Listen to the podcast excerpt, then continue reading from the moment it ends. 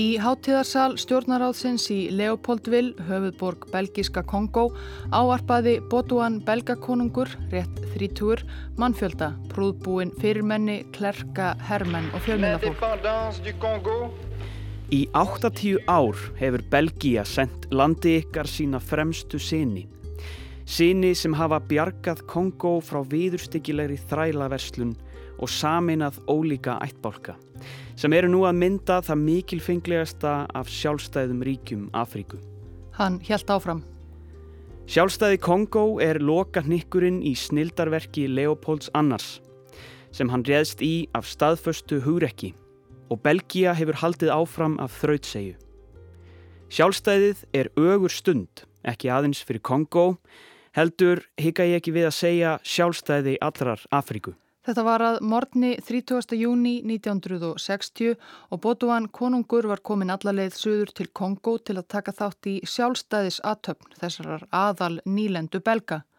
Maðurinn sem hann talaði svo lofsamlega um, Leopold Annar, var afabróður hans og hafði ekki bara lagt undir sig Kongo á sínum tíma með svikum og prettum, heldur hafði hann stjórnað nýlendu sinni sem enga fyrirtæki í eigin hagnaðarskinni, beitt innfætta fádæma hardræði og eins og fjallað var um í síðasta þætti, orði þess valdandi að íbúum Kongo fækkaði um helming á rúmum tveimur áratugum. Skiljanlega fjall lofræða Botuansum frænda gamla ekki svo vel í kramið hjá prúðbúnum kongóskum sjálfstæðisinnum sem fylgtu salin í stjórnaráðinu í Leopoldvill. Jú, höfuborgin var enn nefnd eftir gamla konunginum.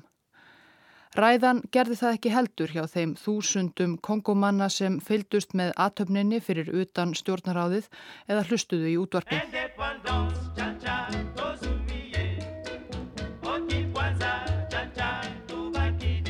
Milli atriða spiluðu fremstu músikantar hins nýja ríkis fjörleg lög samin af þessu gleðilega tilefni.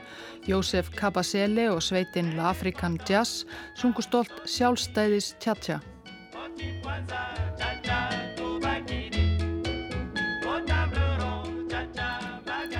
En á eftir Botuan stegi pontu maður sem var ekki í miklu dansstuði. Það var hávaksinn og grannur maður með snirtilegt yfirvaraskegg og högutopp og stingandi augnaráð bak við hortsbangarglerugun. Combattant de l'indépendance, aujourd'hui victorieux, je vous salue Þó svo að Kongo hljóti nú sjálfstæði í samkomilagi við Belgíu, vinnveitt ríki og jafningja, mun engin Kongobúi nokkuð tíman gleima að sjálfstæði vannst með baráttu. Baráttu sem við háðum óhrætt við þrengingar og þjáningu og spöruðum hvorki styrk nýja blóð. Við erum stolt af barátt okkar því hún var göfug og batt enda á þann niðurlegandi þrældóm sem við vorum látin sæta. Ræðumadurinn var verðandi forsætisráð þeirra hins sjálfstæða Kongo, Patrís Lumumba og næstu mínúturnar taldi hann upp hvern glæp nýlendu herrana á fætur öðrum. Við avons connu les ironies, les insultes, Við höfum átt vinna þræla vinnu fyrir laun sem ekki næja til að segja hungur okkar. Kvölds og modna máttum við þóla háð og svívirðingar því við vorum negrar. Við gleymum ekki að laugin voru aldrei þau sömu fyrir kvíta og svarta og að þau voru mild fyrir söma, grimmileg og ómanúleg fyrir aðra. Við höfum þólað hryllilegar þjáningar ofsóknir fyrir skoðanir okkar og trú og verið gerð útlæg úr eigin landi. Og svo framvegis, flest svörtu andlitin í salnum fögnuðu, þau kvítu öllu minna.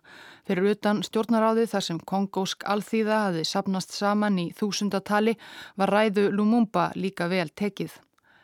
En þegar hann hafi lokið máli sínu stóð Botuan konungur upp og strunsaði út úr salnum í fúsi. Sjálfstæði serimóniutnar sem á eftir komu þennan daginn urðu nokkuð styrðar, þó svo að konungur og fórsætisráð þeirra hafið að lokum fengist til að sitja saman hátegisverð síðar um daginn. Sjálfstæðisræða Lumumbas er í dag gjarnan nefnd ein af mestu ræðum í sögu baráttu Afrikumanna gegn nýlendustefnunni. En þegar vestrænir bladamenn fjölluðu um ræðu hans 1960 voru þeir margir á sama máli og hinn móðgaði belgakonungur. kvílikt vanþaklæti, hvernig dyrðist þessi Lumumba sem greinilega var hættulegur öfgamaður og gott ef ekki kommunisti líka að hella sér yfir belga, þjóðina sem hafði svo náðarsamlega ákveðið að taka kongomenn að sér, síða þá og menta. Hvernig gatan sagt allt þetta eftir allt sem Leopold Annar og arftakar hans höfðu gert kongósku þjóðinni í hag.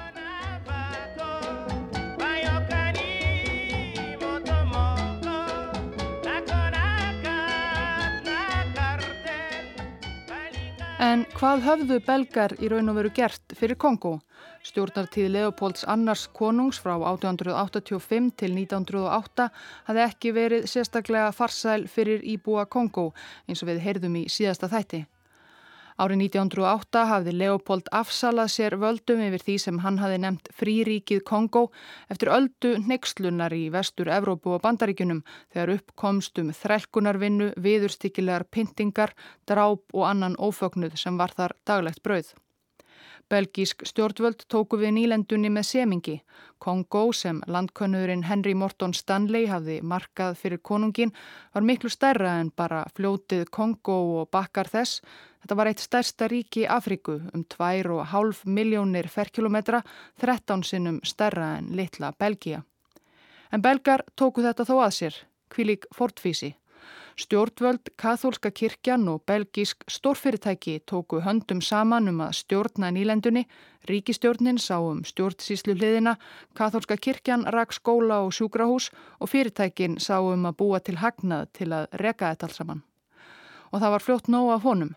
Því þó gummi æði sem Leopold konungur hafði hagnast á væri um gardgengið, lendust allar mögulegar auðlindir fleiri í kongóskri jörðu, kopar, úran, demantar og flestar á milli.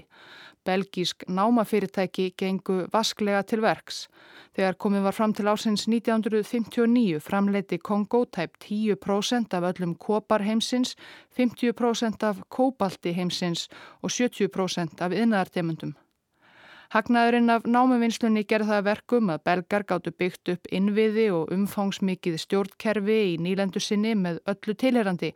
Jável í afskektustu krummaskuðum og smáþorpum voru belgískir stjórnendur, belgískir skólar, belgískar kirkjur. Góðir vegir svo að sem auðveldast væri að flytja dýrmæta málma til hafnar. Þetta var ágætis kerfi fyrir belga. Innfættir kongobúar hafðu enga rödd, ekki í stjórnkerfinu, ekki í dómskerfinu, þeir máttu ekki eiga land, ekki fara frjálsir ferðasinna um landið eða til útlanda. Fáum bauðst mentun eftir grunnskóla. Þeir máttu ekki fara til Belgíu í nám og gáttu því ekki orðið læknar eða lögfræðingar, bara verkamenn og aðstóðarfólk. Svona vildu belgar hafa þetta. Þeir vildu ekki að tilirði kongósk elita sem geti ferið að gera kröfur eða seilast til valda.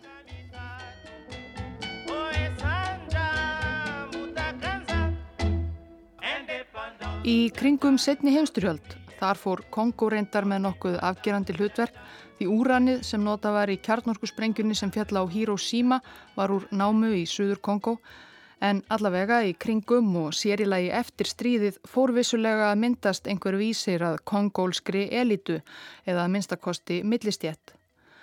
Yngra fólk í borgum landsins sem hafði gengið allan þann mentaveg sem því stóð til bóða og vann kannski skrifstofinnu neðarlega í stjórnkerfinu eða hjá námufélagunum, fólk sem hafði áhuga á listum og þjóðmálum.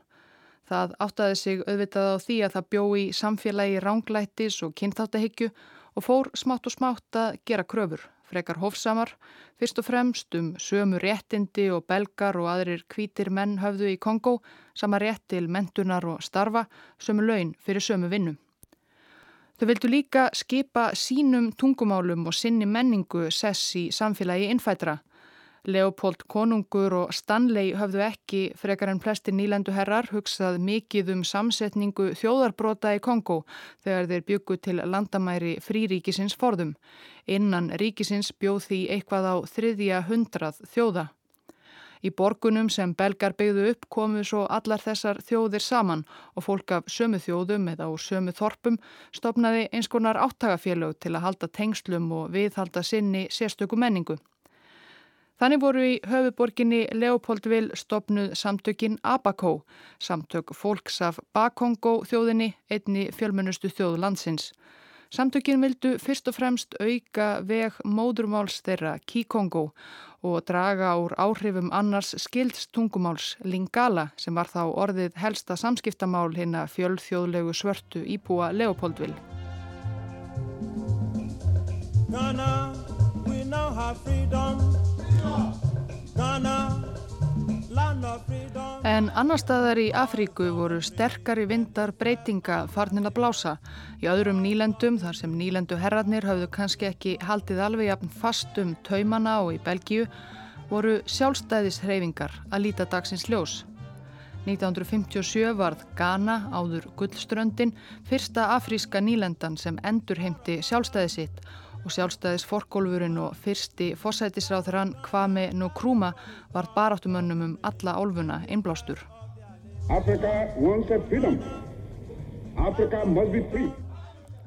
En sjálfstætt Kongo, það hljómaði ekki sennilega á þessum tíma, hvorki í Belgiu nýja Kongo. Sjálfstæði spurði neykslaður belgískur klerkur í Pontu árið 1959, kannski eftir 75 ár, en alls ekki innan 50. Það voru þó einhverjir byrjaðir að hugsa um möguleikan á sjálfstæði og fylgjast með þróuninni annar staðar.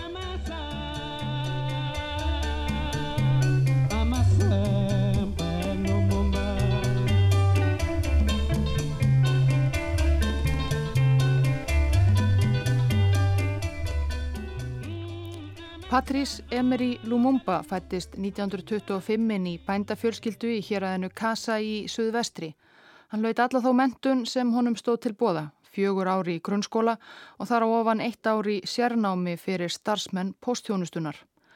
En Lumumba var fluggáfaður og bætti upp fyrir litla mentun með því að lesa ókjörunöll af bókum, sögu, heimsbyggi og stjórnmál og fór svo sjálfur að skrifa með fram vinnu hjá postinum í Stanleyville, einni af stærstu borgum Kongo, skrifaði hann frettabref með afar gaggrínum greinum um nýlendu yfirvöld. 1957 flutti hann til Leopoldville og fór að vinna sem sölumadur hjá Brugghúsi. Það var nóg að gera í þeim bransa, nýja millistjettin í höfuborginni var skemtana og bjórþyrst. Og það var ímislegt annað í gangi líka. Áttagafélögin voru orðin aðsópsmeiri og farin að krefjast réttinda og margir hafðu heyrt af Kvamin og Krúma í Ghana og öðrum baróttumönnum viðsvegar um Afríku. Í höfuborginni stopnaði Lumumba á samt nokkrum öðrum kongósku þjóðarheyfinguna Movement National Congolese eða MNC. Hún var frábrúðin áttagafélagunum að því leiti að henni var ætlað að berjast fyrir allri svörtu kongósku þjóðinni, hvort sem fólk talaði Kikongo eða Lingala eða einhver önnur af ótal tungumálum landsins. Einn af fylgismönnum Lumumbas þá myndist síðar. Ég man enn eftir fyrstu fundunum. Við hittumst á börum og í görðum. Lumumba talaði um söguna og óhæfuverk nýlendu sinnana. Hann var ótrúlega hugrakkur. Hann sagði frá þessu eins og það var, frá þjáningunni, kynþáttahattirinu, þrælkunarvinnunni í námónum. Hann hreyf fjöldan algjörlega með sér.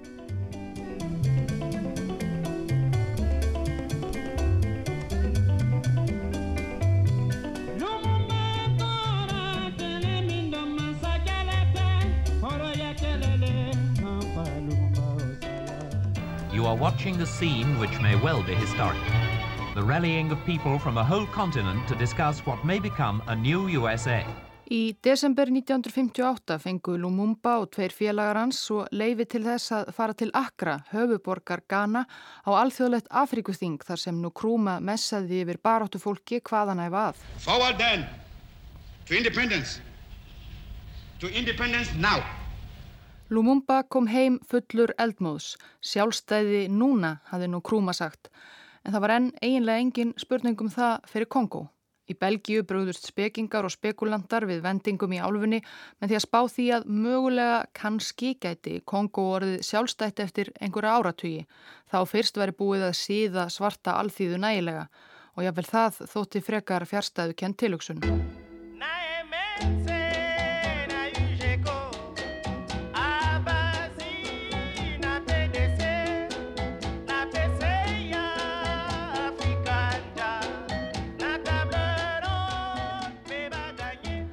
En svo var eins og flóðbylgja færi af stað og varð ekki stöðvuð.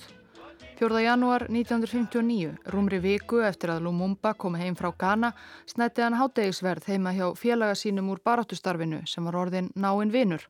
Hann var 5 árum yngri, 28 ára, fyrverandi hermaður sem hafi farið út í bladamennsku, Jósef Mobuto. Eftir matinn ákváðu vinirnir að fara á fund sem Abako, samtök Bakongo fólks, höfðu bóðað til sítegis í húsakinnum KFUM í höfuborginni. En þegar á staðin var komið tók á móti þeim leittói Abakó Jósef Kasavubu. Hann kallaði yfir fjöldin að fundinum væri aflýst. Belgisk yfirvöld hefðu bannaðan. Allir heim.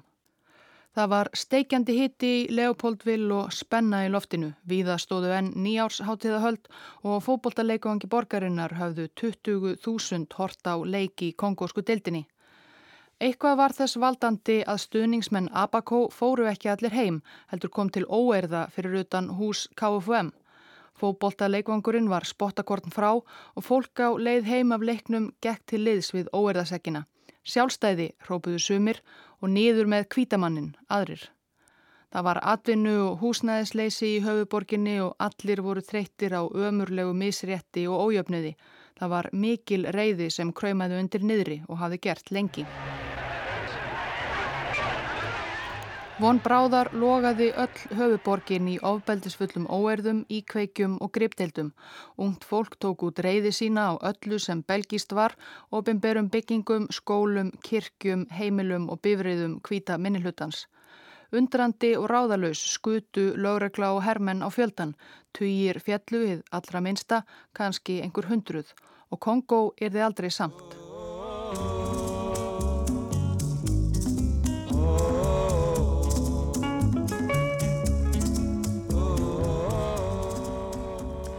Óerðirnar urðu belgískum stjórnvöldum mikið áhyggjöfni. Eitthvað varð að gera og svo í útvars ávarpi nokkrum dögum síðar lofaði Botuan belgakonungur kongobúum ímsum umbótum. Svo sagði hann Loka markmið aðgerða okkar er í friði og spekt að aðstóða kongósku þjóðina á leiðsinni til sjálfstæðis, án tafar, en þó ekki með ábyrðalösri fljótfærni. Allt í einu var farið að tala um sjálfstæði, eitthvað sem hafi þótt óhugsandi örfa á mánuðum áður. Útarslustendur í Kongo trúðu ekki eigin eirum. Fólk söng og dansaði á gödumúti. Sjálfstæðis fár braust út í stórborgunum Leopoldvill og Stanleyvill og viðsvegarum landið. En í raun virtist engin vita sitt rúkandi ráð, kvorki í Belgiu nýja Kongo. Í Kongó spruttu stjórnmálasamtök nú upp eins og gorkulur í tugatali. Flest þeirra voru mynduð eins og áttagafélögin utanum einstaka þjóðarbrotið ættbolka og stefnumál þeirra aðalega að vinna að hag þeirra. Lumumba var feiki vinsæl en fáir aðrir en hann og þjóðarhreyfing hans vildu berjast fyrir hag landsins alls. Katanga hérað síðst í Kongó var og er lang auðugasta hérað landsins. Þar leynast svo margir dýrmættir málmar í jörðu að fyrstu jarðfræðingunum sem rannsökuðu það fjallust vist hendur. Þar var höfuð víi belgísku námafyrirtækjana sem grættu á tá og fingri og náman sem hafi séð kjarnorkuspringjum bandaríkjana fyrir úrani. Í Katanga var stopnaður flokkurinn Konakat, samband ættbálka í Katanga. Fyrir honum fór Moise Tjombe, velstæður kaupsíslumadur, fertugur og nokkuð eldri en flest kornungu leðtóefnin sem geistust fram á þessum tíma. Stefna Tjombes var eiginlega andstæð öllu sem Lumumba stóð fyrir. Hann vildi að Katanga fengi aukna sjálfstjórn og vildi alls ekki klippa á tengsl við Belgíu og belgísku námafyrirtækin sem sáu fyrir hér aðeinu.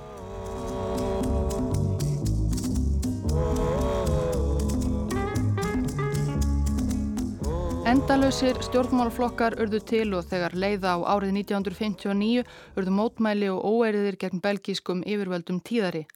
Þó að Botuan konungur hefði ekki nefnt neina dagsetningu í ávarpi sínu í byrjun árs voru Lumumba og fleiri nú farnir að krefjast sjálfstæðis hið fyrsta og gerðu það af krafti. Í oktober var Lumumba dæmdur í sex mánada fangelsi fyrir að hvetja til óeirða eftir einn af fjöldafundum hans fóru böndunum. Þegar belgakonungur heimsótti nýlendu sína í desember var hann grítur af reyðum mannfjölda. Belgar fóru að óttast til versta að það siði upp úr og þeir myndu dragast inn í ómögulegt nýlendustríð eins og frakkar í allsýr. Strax í janúar 1960 bóðuðu belgar því helstu leðtoga innfættra til Brussel meðal annara Jósef Kasavubu úr Abaco samtökunum, Moise Tjombe frá Katanga og Patrís Lumumba sem var sleft úr fangelsi af þessu tilefni. Það var í fyrsta sinni 75 ára sögu belga í Kongo sem belgiskir ráðamenn ráðfærðu sig við Kongobúa sjálfa um málefni landsins. Og að vissan hátt í síðasta sinn líka því á þessum fundi var eftir mikinn þrýsting frá kongósku fundarmönunum ákveðið að belgíska Kongo erði sjálfstætt ríki eftir tæft hálft ár, 30. júni 1960.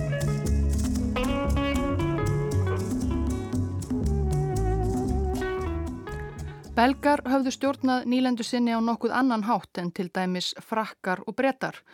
Einfættir fengu miklu færri tækifæri og það sást vel að 1400 aðstu embætismönnum í nýlendunni 1960 voru þrýr kongóskir, hinnir allir belgar. Í um 15 miljón manna landi höfðu 30 farið í háskóla. Það voru engir kongóskir læknar, engir herfóringjar, engir kennarar. Belgia hafði alltaf stjórnað öllu. Kongóbúar hafði varla neina reynslu af þingræði eða kostningum sem átti að halda nokkru fyrir sjálfstæðið. Í Brussel vissumenn að þetta var hættuspil. Kongó virtist alls ekki reyðubúið að standa á eigin fótum. En belgískir ráðamenn veðjuðu á að í kostningunum yrðu stjórnmálaöfl þeim vinnveitt eins og belgavinnir í Kónakat í Katanga ofan á. Mynduð yrði stjórn sem myndi leifa belgískum embætismönnum og herfóringum að sinna störfum sínum áfram óáreittir það til Kongobúar sjálfur yrðu tilbúinir að axla ábyrð. En eftir afar óreiðukenda kostningabaráttu urðu úrslitin ekki þannig. MNC reyfing Lumumba varð stærsti flokkurinn á nýja kongóska þinginu en aukans rauðust þangað inn fulltrúar 26 flokka til viðbótar. Að lokum myndaði Lumumba samsteipustjórn með 12 flokkum, sjálfur var þann fórsættisáþura. Jósef Kasavubu, leðtói Abaco, annars af stærstu flokkunum á þingi, var útnemdur fórsætti og það voru þeir sem tóku við stjórnartaumunum 30. júni 1960 eftir svívirðingaræðu Lumumba og vandræðilegan háttegisverð með belgakonungi.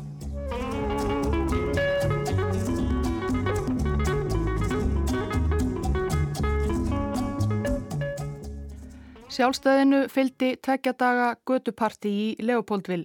Í fári undanfarana mánada höfðu margir gert sér miklar vonir um að nú myndi aldeilis koma tími mikill að breytinga til hins betra.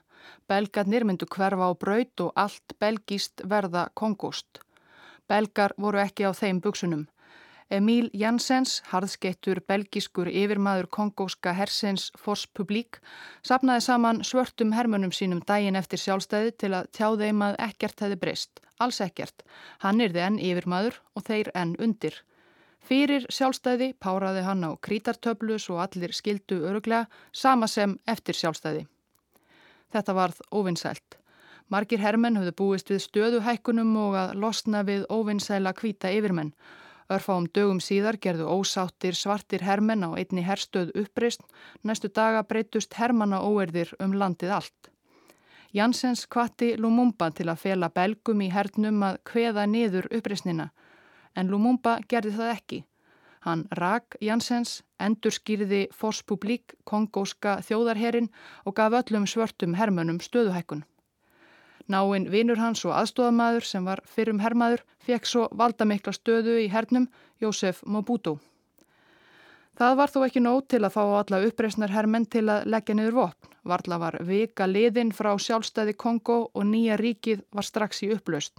Kvítir íbúar Kongo fórnuðu höndum yfir Lumumba hinnum hættulega rótæklingi sem var við stjórnvölinn og flúðu landið í stríðum ströymum.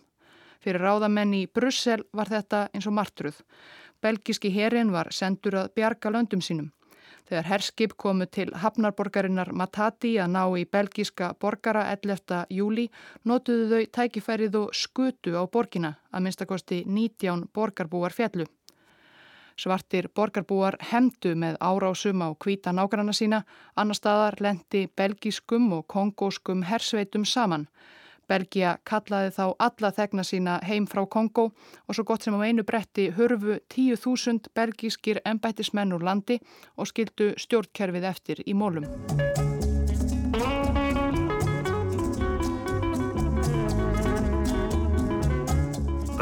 le gouvernement katangais a décidé de proclamer l'indépendance du Katanga. Le gouvernement du Katanga demande à la Belgique de s'unir avec les Katanga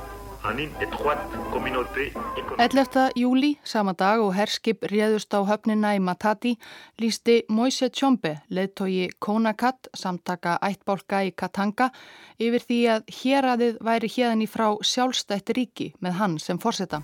Qui est celui de tout son peuple de disposer de lui-même. Que Dieu protège les Katanga indépendants. Íð vell auðuga Katanga hafi alltaf verið sér á parti. Í raun höfðu belgísku námufyrirtækin stjórnað þar öllu. Moise Tjombe hafði í öllu sjálfstæðisbröltinu verið á móti Lumumba og öllum þeim sem vildu rjúfa tengslinn við Belgíu og belgísk fyrirtæki. Katangamenn vildu ekki sérstaklega þurfa að deila auðæfum sínu með restinni af landinu sem virtist í ofan og lag vera að verða stjórnlausu ófríðar báli að bráð. Tjómbe naut stuðnings stórfyrirtækjana í Katanga og í raun belgískra stjórnvalda líka því þau gerðu flest það sem námafyrirtækin fóru fram á. Von bráðar voru belgískir hermenn úr gamla kongóska hernum Fors Publik farnir að þjálfa katangíst herlið og til höfuborgarinnar Elisabethville voru sendir belgískir embætismenn að aðstóða Tjómbe við stjórnsýslu. Botuan konungur skrifaði Tjómbe vinalegt og hvetjandi bref. Hér var alminnilegu maður, engin hatursfullur öfgamaður eins og þessi Lumumba. Belgia viður kendi þó ekki Katanga sem sjálfstætt ríki. Markmiðið var aðalega að vernda hagsmunni belgískra fyrirtækja.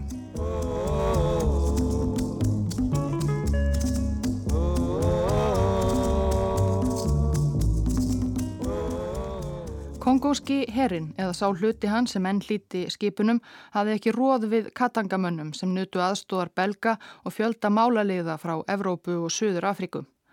Það voru ekki nema tvær vikur liðnar frá sjálfstæði og allt var í ruggli. Herin í uppreist 2000 kvítra íbúa flúnir, belgískur her í landinu og heilt hérað búið að stinga af. Stjórn líðveldisins Kongó byður saminuðu þjóðunar að senda hernaðar aðstóð strax, stopp. Teljum óumbeðna belgíska hernaðaraðgerð árás á land okkar. Stopp. Stjórn Kongo neytar að sætta sig við samsæri belgískra nýlendu sinna. Stopp. Ítrekum afar brínt að senda herlið saminuðu þjóðuna til Kongo. Stopp. Einhvern veginn svona var símskeiti sem Lumumba og Kasavubu fórseti sendu til saminuðu þjóðuna í New York 12. júli 1960, einum degi eftir að Katanga lísti yfir sjálfstæði. Saminuðu þjóðurnar voru þá aðeins 15 ára gamlar. Reynslan af því að blanda sér í alþjóðadeilur og styrjaldir var lítill. En aðalritarinn, svíin Dag Hammarskjöld, bóðaði strax um kvöldið til neyðarfundar í öryggisræðinu.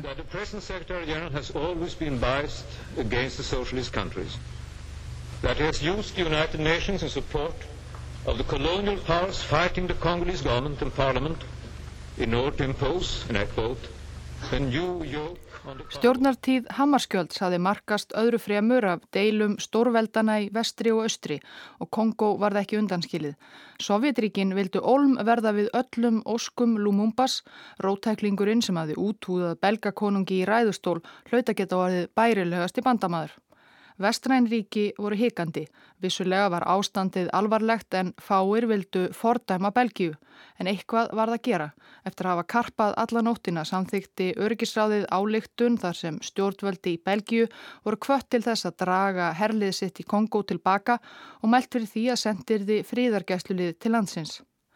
Fríðargæsluliðið átti að verða það fjölmennasta í sögu saminuðu þjóðana en þetta nægði þó ekki Lumumba sem hafi gert sér vonir um miklu afdráttarlausari afstöðu og beina hernaðaraðstóð að hermenn saminuðu þjóðana myndu hjálpa honum að kveða niður uppreysn Katanga en slíkt var þvert á stefnu Hammarskjölds. Lumumba ákvaða leita annað til mann sem hafi eldað grátt silfur við dag Hammarskjöld undan farin ár Nikita Khrushchev, leðtoga Sovjetiríkjana. Gætum þurft að byggja um hernaðarílhutun Sovjetríkjana ef Vesturlönd hætta ekki aðgerum gegn líðveldinu Kongo, stopp. Kongóst landsvæði hernumið af belgískum hermönum og lífforsetta og forsætisráðara líðveldisins í hættu, stopp.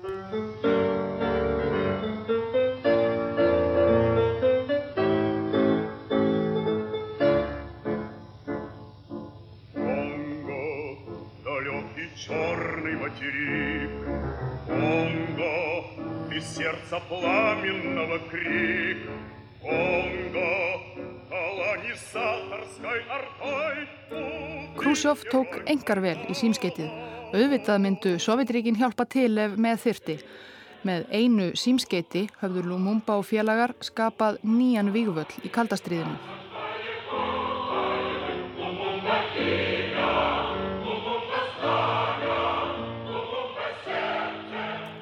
Lumumba var ekki kommunisti. Hann var fyrst og fremst kongóskur þjóðarnisinni og anstæðingur nýlendustefnunar og gerði það sem hann taldi best fyrir landsitt í ómögulegri stöðum. Ólíklegt er að hann hafi áttað sig á því þegar hann hafi samband við Khrushchev hversu alvarlegar afleðingar það myndi hafa.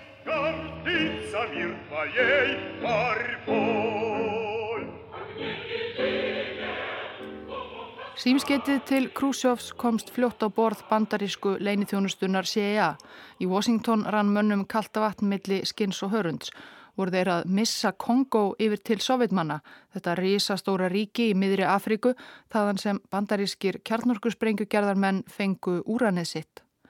Fríðargæsluliðar með bláa hjálma saminuðu þjóðana voru komnir til Kongo innan við tveimur sólarhingum eftir að álygtun öryggisráðsins var samþygt.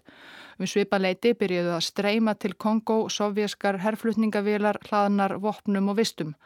Bandaríkjaman veldu alvarlega fyrir sér að senda herlið á móti. Í andartak virtist Kongo ætlaði að verða önnur Kórea eða annað Vietnám. En bandaríkin ákváðu á endanum að fara aðra leið. CIA fór að koma sér fyrir í Kongo og auðsa fjei í ímsa stjórnmálamenn í vonum að fá þá á sitt band. Meðal þeirra sem CIA beindi sjónum sínum að var forsetin Jósef Kasavubu. Samband þeirra Lumumba var orðið styrt og Kasavubu hafði ekki samþygt ákverðun Lumumbas um að leita til Sovjetríkjana. Lumumba varð æg vinafærri og fór einnig að verða ódreiknanlegur. Í lók júli ákvaðan skindilega að fara til bandaríkjana og ræða við Eisenhower fórsetta. Hann stökk upp í flugvel til Washington en þar sem hann hafði ekki bókað fund með fórsetanum fyrirfram neytaði Eisenhower að hitta hann. Lumumba fór því til saminuðu þjóðana í New York þar sem hann þótti haga sér furðulega og gera fáránlegar kröfur og skapaði sér enga velvild. Ástandið heimaferir var bara verra. Þann 9. ágúst klauf annað hérað sig frá líðveldinu Kongo, Suður Kasai. Það átti landamæri að aðskilnaðar héraðinu Katanga og það sem meira var, það var önnur gullgæs eða öllu heldur demantagæs þar sem í Suður Kasai var demantanámu miðstöð Kongo. Lumumba ætlaði nú ekki að missa annað hérað.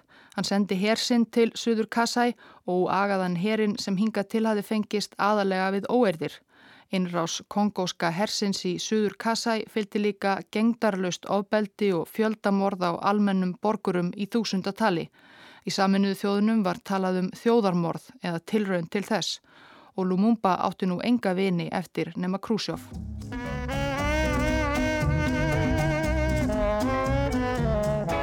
5. september 1960 var útsending kongóska ríkisútarsins Rovin. Kasavubu forseti tilkynnti að vegna blóðsúthellingana í söður Kasai ætlaði hann að setja Lumumba af. Þetta hefur verið undarleg útvarsdagskrá. Nokkru síðar byrtist nefnilega Lumumba sjálfur í viðtækjunum. Hann hafði hlaupið á stað þegar hann heyrði ávarp Kasavubus og þver neytaði að fara frá. Kongóska þingið neytaði svo líka að verða við kröfu Kasavúbús forsetta um að víkja Lumumba og rembætti. Nú bættist óyfirstíganleg stjórnarkreppa ofan á allt hitt. En í ringulreiðinni steig fram maður sem einu sinni hafi verið enga vinur og aðstóða maður Lumumba og var nú einn valdamesti maður kongóska hersins, Jósef Mobuto. Hann hafi líka fengið mikla aðtikli hjá bandarísku leinithjónustunni undan farin misseri og nú tók hann völdin með samþykki og stuðningi CIA. Hann vísaði bæði Kasavubu og Lumumba frá. Kasavubu fekk þó endanum að sitja áfram sem valdalítill fórseti. En Lumumba var neftur í stofufangelsi. Þeir Lumumba og Mobutu voru ekki vinir lengur.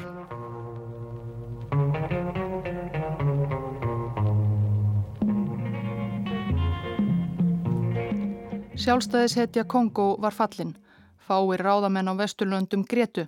Í Belgiu var strax farið að leggja á ráðinum hvernig mætti losna við Lumumba fyrir fullt og allt, altså drepan, og Eisenhower bandaríkjaforsetti skipaði CIA að ráða forsettisáþrann fyrverandi af dögum með eitruðu tankremi. Það var þó aldrei því á stormasömu kvöldi sent í november slapp Lumumba úr stofufangilsinu falin í aftursæti á bíl. Hann tók stefnuna á Stanleyville þar sem hann hafi unnið á postunum og vonaðist til að eiga þar enn einhverja vini. En á leiðinni höfðu menn Mobutos upp á honum. Þeir bundu hann á höndum og tróðu samankrumpuðu bladi upp í honum. Það var ræðan hans fræga frá sjálfstæðisháttíðinni fyrir réttu hálfu ári. Mobutu watched as Lumumba suffered more indignities, including being forced to eat a speech which he restated his claim to be the Congo's rightful premier. Mobuto geimdi Patrice Lumumba í fangelsi um hríð á meðan hann ráðfærði sig við kunninga sína í CIA og Brussel um hvað þetta gera við kauða. Loks var ákveðið að færa hann einfallega í hendur sinna verstu óvina. Flóið var með Lumumba til Elisabethville höfuðborgar Katanga. Þar tóku katangískir hermenn og belgískir yfirbóðarar þeirra á mótonum, börðu hann og pintuðu og niðurlæðu. Patrís Lumumba var tekin af lífi í skóginum fyrir utan borgina 17. janúar 1961, 36 ára. Tveir belgar tóku að sér að skera líkans í búta sem voru svo leistir upp í brennisteinsýru.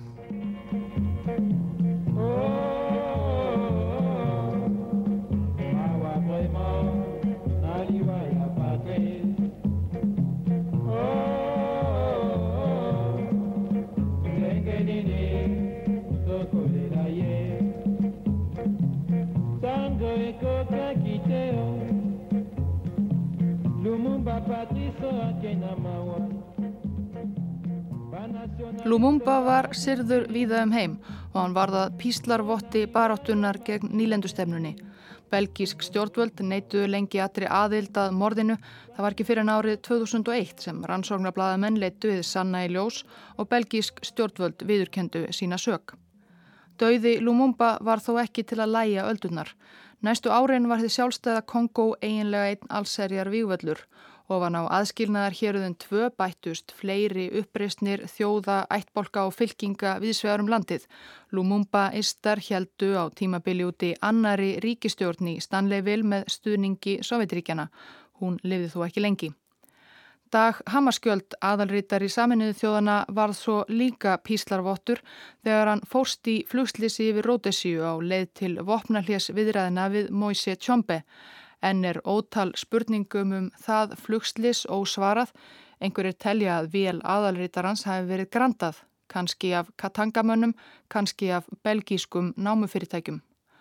Dauði Hammarskjöld varð til þess að saminuðu þjóðurnar tóku harðari afstöðu og hváðu uppreist katangamanna á endanum niður með hervaldi, beitni innrás herliðs saminuðu þjóðana um áramótin 62-63 en það voru enn uppreysnir og aðskilnaðasinnar í austurhlutalandsins og í vestri og tilraunir til að sætta stríðandi fylkingar, hernaðar og stjórnmála fóru alltaf út um þúfur. Að lokum eftir margra ára ringulreið og þegar að minnstakosti 100.000 höfðu fallið, steg svo fram á ný maður nokkur komin til að stilla til fríðar fyrir fullt og allt. Það var maður sem þá var orðin aðstilleittói kongóska hersins, Jósef Mobuto.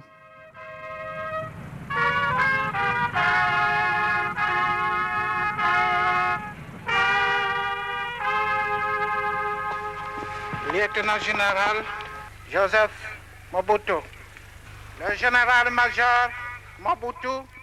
Með öðru valdaráni í november 1965 og aftur með stuðningi vina hans á Vesturlöndum tók Mobutu sér einn algjert allræðisvald í stríðsjáðu landinu. Hann lofaði að það yrði bara þannig í fimm ár. Þegar hann yrði búin að koma á friði, yrði hægt að taka upp líðræðið að nýju en þar til Jósef Mobutu slefti takinu átti reyndar í raun eftir að líða meira en þrýr áratugir.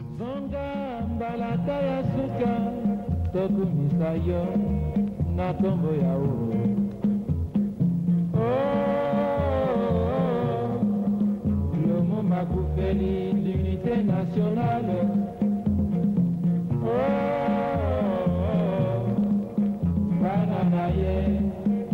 Agobakolo.